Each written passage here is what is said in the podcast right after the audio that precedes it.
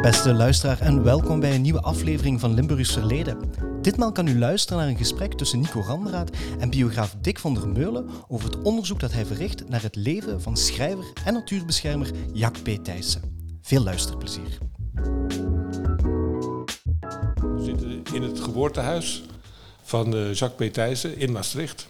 Ik moet meteen corrigeren, Jack P. Thijssen. Jacques P. Thijssen, Jack P. kijk, die, Thijssen, eh, die ja, hou ik ja. er alvast in. Ja. Ehm, het geboortehuis dus, eh, waar nu het Sociaal Historisch Centrum voor Limburg is gevestigd, waar ik de directeur van ben.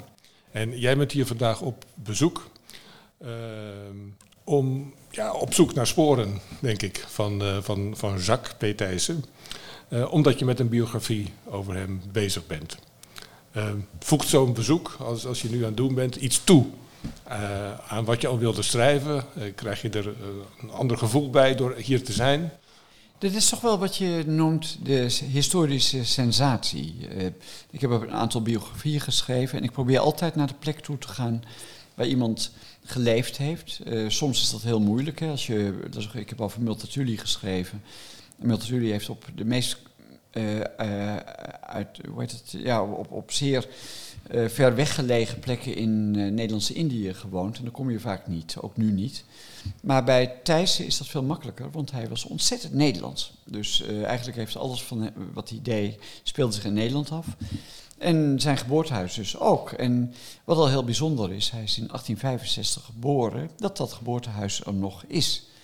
Dat, dat dit over zijn geboortehuis is, dat weten we eh, pas, of dat, dat weten we pas van na zijn dood. Toen heeft eh, een, een voorganger van jou, Panhuizen, die heeft dat allemaal nagezocht. En die heeft eh, ja, toch wel met sterke bewijzen is gekomen. Sinds door hem weten we dat hij hier geboren is. Ja, ja, er hangt hier buiten ook een bordje hè, waar, dat, eh, waar dat op staat. Dat, eh, Ja, dat bordje hangt een beetje gek, hè, want dat hangt dus op een gebouw waar hij Ja, niet geboren ja, is. maar, eh, maar, maar in ieder geval als je goed leest. Als je, als je daar staat, dan zie je het gebouw in ieder geval wel. Hè? ja. Zo is het, ja. Ja, je, je zei net al, je, je hebt een aantal biograf, biografieën al geschreven. Belangrijke biografieën. De, de biograaf des vaderlands zou ik bijna zeggen. Zouden we Er zijn er gelukkig noemen. meer van. maar, ja. Als, als die titel zou bestaan. eh, Willem I, Multatuli, eh, Prins Bernhard eh, zag ik. Hoe, hoe kwam je bij Thijssen? In? Ehm Thijssen is voor mij de Multatuli van de natuur. Mult- Door Multatuli, de belangrijkste schrijver van Nederland, die heeft echt iets teweeggebracht in de Nederlandse letteren. En Thijssen die heeft iets teweeggebracht in de Nederlandse natuur. Hij heeft eigenlijk, kun je bijna wel zeggen, de natuurbescherming uitgevonden. Dat is natuurlijk niet, nooit helemaal zo. Je hebt ook nog Elie Heijmans, die eigenlijk vooral hier in Limburg heel belangrijk is geweest, goede vriend van hem. Ze, hebben heel veel met z'n tweeën gedaan, ze had ook nog wel een voorganger. Maar Thijssen heeft eh, door natuurmonumenten op te richten en ook vooral, hier ligt er eentje, de, de Verkade-albums te schrijven, heeft hij heel erg veel betekend. Natuurmonument is natuurlijk nog altijd een heel belangrijke eh, eh, natuurbeschermingsorganisatie. En eh, de Verkade-albums, daar zijn er honderdduizenden van gemaakt. Ja, het is niet meer onze generatie, maar mensen van voor de oorlog, die kenden allemaal die albums, verzamelden de plaatjes die je cadeau kreeg. Nou ja, via die albums heeft hij reclame gemaakt voor de natuur als nooit iemand tevoren en daarna ook heeft eh, gedaan. Dus zonder hem had Nederland er echt anders uitgezien. En had Nederland ook echt veel minder natuur gehad. Ja, de, de albums, daar, daar kennen veel wat oudere mensen eh, hem van. De natuurbescherming misschien ook. Wat is verder nog belangrijk van zijn leven? Ehm, nou ja, zijn leven stond compleet in het teken van de natuur. Eh, dus eh, hij was onderwijzer eh, en hij heeft kinderen, de kinderen die eerst in Amsterdam en later in, in, in, Bloemendaal een omgeving les gaf, heeft hij met, die heeft hij met de natuur vertrouwd gemaakt. Dus dat, dat, dat, dat, was iets wat, waar, waar hij belangrijk in is. Maar verder, ja goed, hij heeft heel veel geschreven. Behalve die uh, albums hij heeft een natuurtijdschrift opgericht. De Levende Natuur bestaat nog steeds. Hij heeft de Flora gemaakt. Eh, tot niet zo lang geleden werd hij elk, telkens weer herdrukt. Ik heb er mee zelf, ik ben van 1963 en ik heb leren planten determineren met de Flora van Thijssen.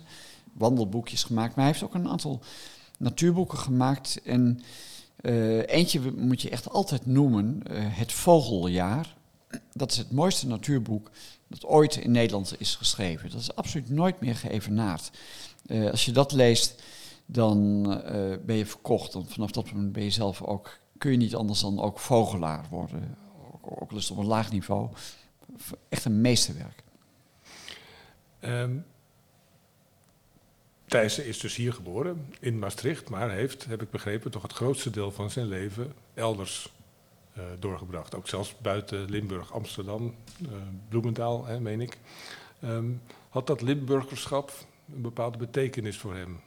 Ja, het heeft, uh, dat heeft hij ook nog in zijn verkadelalbum Onze Grote Rivieren geschreven. Dat hij er nog altijd trots op was, dat schreef hij in 1937 of 38. Toen was hij dus al in de 70. Uh, toen heeft hij geschreven dat hij nog altijd er trots op was dat hij in Maastricht uh, geboren was. En dan zegt hij ook, ja, dat komt door, door de Maastrichtenaren. Hij is heel positief over het leven hier, de, de, de levensinstelling. Maar hij kwam ook vaak terug in Limburg. Maastricht komt natuurlijk voor in, die, in dat Verkade-album. Hier op de hoek zo'n beetje heb je nog een stukje van de stad, de oude stad, de binnenste stadsring, de eerste stadsring. en dat staat ook die, die staat ook afgebeeld in dat album. Maar goed, hij heeft uh, uh, zijn vriend Heijmans, die was helemaal verliefd op Limburg. En Thijs is vaak in zijn voetsporen getreden, in de voetsporen van Heijmans. Ik ben zelf een week of wat geleden naar Valkenburg gegaan. Toen ben ik een wandeling nagelopen die Heijmans en Thijssen rond 1895 moeten hebben gemaakt. Heel bijzonder. En wat ik, het, allermooiste was dat er een heel speciaal bos, dat ze noemen, uh, ravijn, dat bleek er nog te zijn. En ik kan meteen zeggen, het mooiste bos van Nederland. Nog altijd. Ook in hun tijd nog steeds. En, en ja, die natuur in Limburg, ja, die trekt natuurlijk nog steeds heel veel mensen aan. Maar dat was ook, in, was ook bij Thijssen zo. Dus niet alleen Heijmans, maar ook Thijssen. Wat heeft hij op een bijzondere manier over Limburg uh, geschreven, anders dan andere delen van Nederland? Of heeft hij misschien dat Limburg een, een ja, uh, op een bepaalde nieuwe manier beschreven, die vervolgens is blijven hangen, zodat we nu allemaal Limburg zien als, als in ieder geval Zuid-Limburg, als uh, groot voorbeeld van natuur en natuurbeleving? Dat deed hij vooral op een indirecte manier. Kijk, hij schreef gepassioneerd over uh, Zuid-Limburg. Maar hij schreef gepassioneerd over de natuur overal in Nederland. Dus dat, dat was, op dat punt maakte hij geen onderscheid. Ik denk wel. Ik neem even een sok water.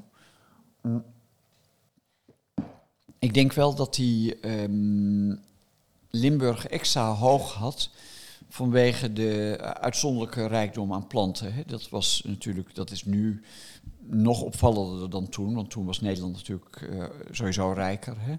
Uh, ja, nu, de, de, landbouwgebieden in de noordelijke Nederlanden zijn natuurlijk ja, de facto verloren voor de, voor de natuur. En dat was in de tijd van Thijssen nog niet zo. En in Limburg, maar goed, in Limburg uh, vond hij planten die je natuurlijk nergens anders vond. ik moet ook wel zeggen, ik vertelde net dat hij zo'n wandeltocht maakte met, met Heijmans in 1895 dat was ook wel een beetje een strooptocht. Want uh, ze gingen niet met lege handen terug. Uh, uh, dus hij is ook wel. ze hebben, later zei hij: ja, je mag eigenlijk alleen maar zaadjes meenemen. Maar in die tijd groeven ze toch ook wel dingen uit. Ik vraag me nog altijd af, als, als ik in de duinen bij Bloemendaal, waar ik zelf in de buurt van woon, als ik daar kom, dat is Thijsse land, daar vind ik slanke zeutelbloemen, bosanemoon, uh, daslook, veel daslook. Zit me af god, zouden dat, uh, aronskelk, gevlekte aronskelk, zouden dat soms nazaten zijn van de planten die Thijs heeft uitgegraven? Je weet het allemaal maar nooit. Maar, um, nee, maar goed, hij was uh, uh, erg op Limburg gesteld en, en hij noemde heel vaak Heijmans. Hij zei van ja, Limburg is het belangrijkste, maar lees vooral ook Heijmans. Heijmans heeft een boek geschreven uh, in ons, of uit ons of in ons krijtland. Ja. Nog altijd een prachtig boek. Uh, natuurlijk ook veel geologie daarin, maar ook veel plantenrijkdom. En daar had Thijssen het altijd over. Heijmans is uh, veel eerder dan hij overleden, dus het was ook een soort uh, in nagedachtenis van Heijmans. En verder heeft Thijssen zich toch ook, echt actief ingezet om die Pietersberg te behouden, vergeefs. Maar hij heeft er stukken over geschreven. hij heeft deelgenomen aan, aan, de acties in de jaren twintig om die, uh, omdat, ja, ik benoemde een berg, maar het is natuurlijk een, een heuvellandschap, om dat toch zoveel mogelijk te behouden. En hij heeft ook de neergang eh, nog voor een deel meegemaakt. Thijs is zelf overleden in 1945. En daar was hij bijzonder verdrietig over. Ja, ja, want Limburg was ook in die tijd dat hij hier eh, rondliep, Zuid-Limburg zeker, een heel industrialiserend gebied vanwege de mijnbouw. Eh, maar ik denk ook aan de, aan de Maaswerken. Hier op tafel ligt eh, Onze Grote Rivieren, een van de bekendere eh, albums. Ik heb daar nog eens in zitten bladeren en ik lees als hij schrijft over de Maas dat hij heel tweeslachtig is over, over die Maaswerken. Dat hij aan de ene kant zegt, ja, het is belangrijk dat die rivier genormaliseerd wordt, zoals dat toen heette, dat de bochten eruit gehaald worden. Tegelijkertijd realiseert hij zich ook dat dat ten koste gaat van natuur. Ik, ik, ik had veel meer verwacht dat hij zich helemaal finaal achter die natuur zou scharen, maar hij, het lijkt alsof hij toch ook een zeker begrip kan opbrengen voor eh, ja, die, die, die technische oplossingen. Dat vond ik opvallend. Dat is ook zo. Hij was er- een, lijfspreuk van hem. Er is zelfs een, een brievenbloemlezing van hem uitgegeven met de titel eh, Wanhoop nooit aan vooruitgang. En dat was ook zo. Hij was voor vooruitgang. En dat betekent dus ook voor economische vooruitgang, voor menselijke bedrijvigheid. En hij was dus niet tegen industrialisatie, eh, omdat hij het idee had, daar wordt de mens beter van. En dat moet je vanuit eh, het huidige perspectief, kun je dat wel een beetje begrijpen. Want uh, Thijssen werd geboren in 1865, in een periode dat eh, Nederland nog serieuze armoede kende. En zeker ook in deze gebieden. Hè. Thijssen, vertelde hè, dat hij die wandeling maakte in 1895 met Heijmans. Hij kwam langs die grotwoningen bij eh, Geulem. Eh, die werden toen nog bewoond.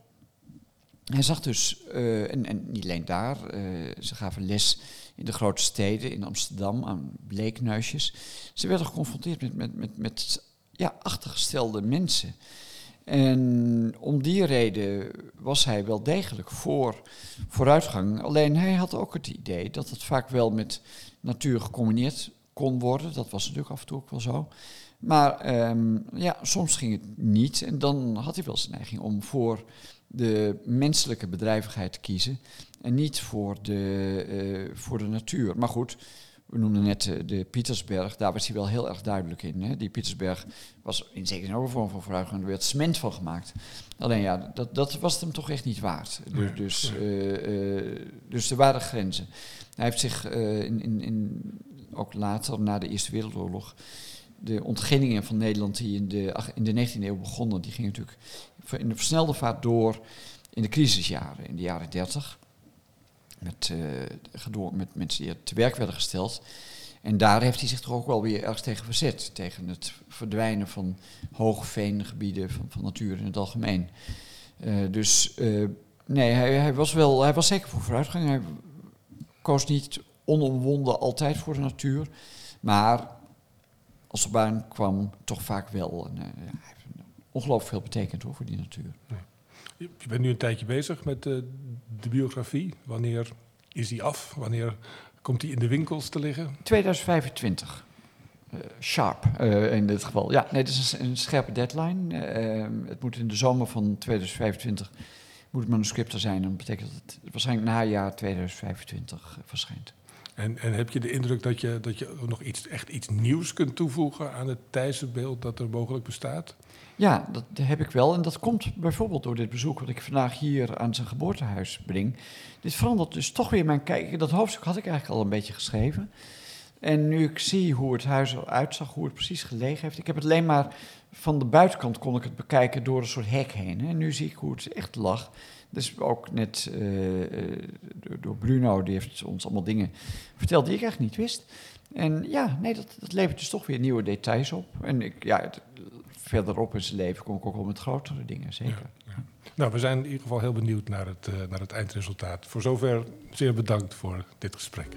Ja, en uh, jullie ook bedankt natuurlijk. Erg leuk om hier te kunnen zijn.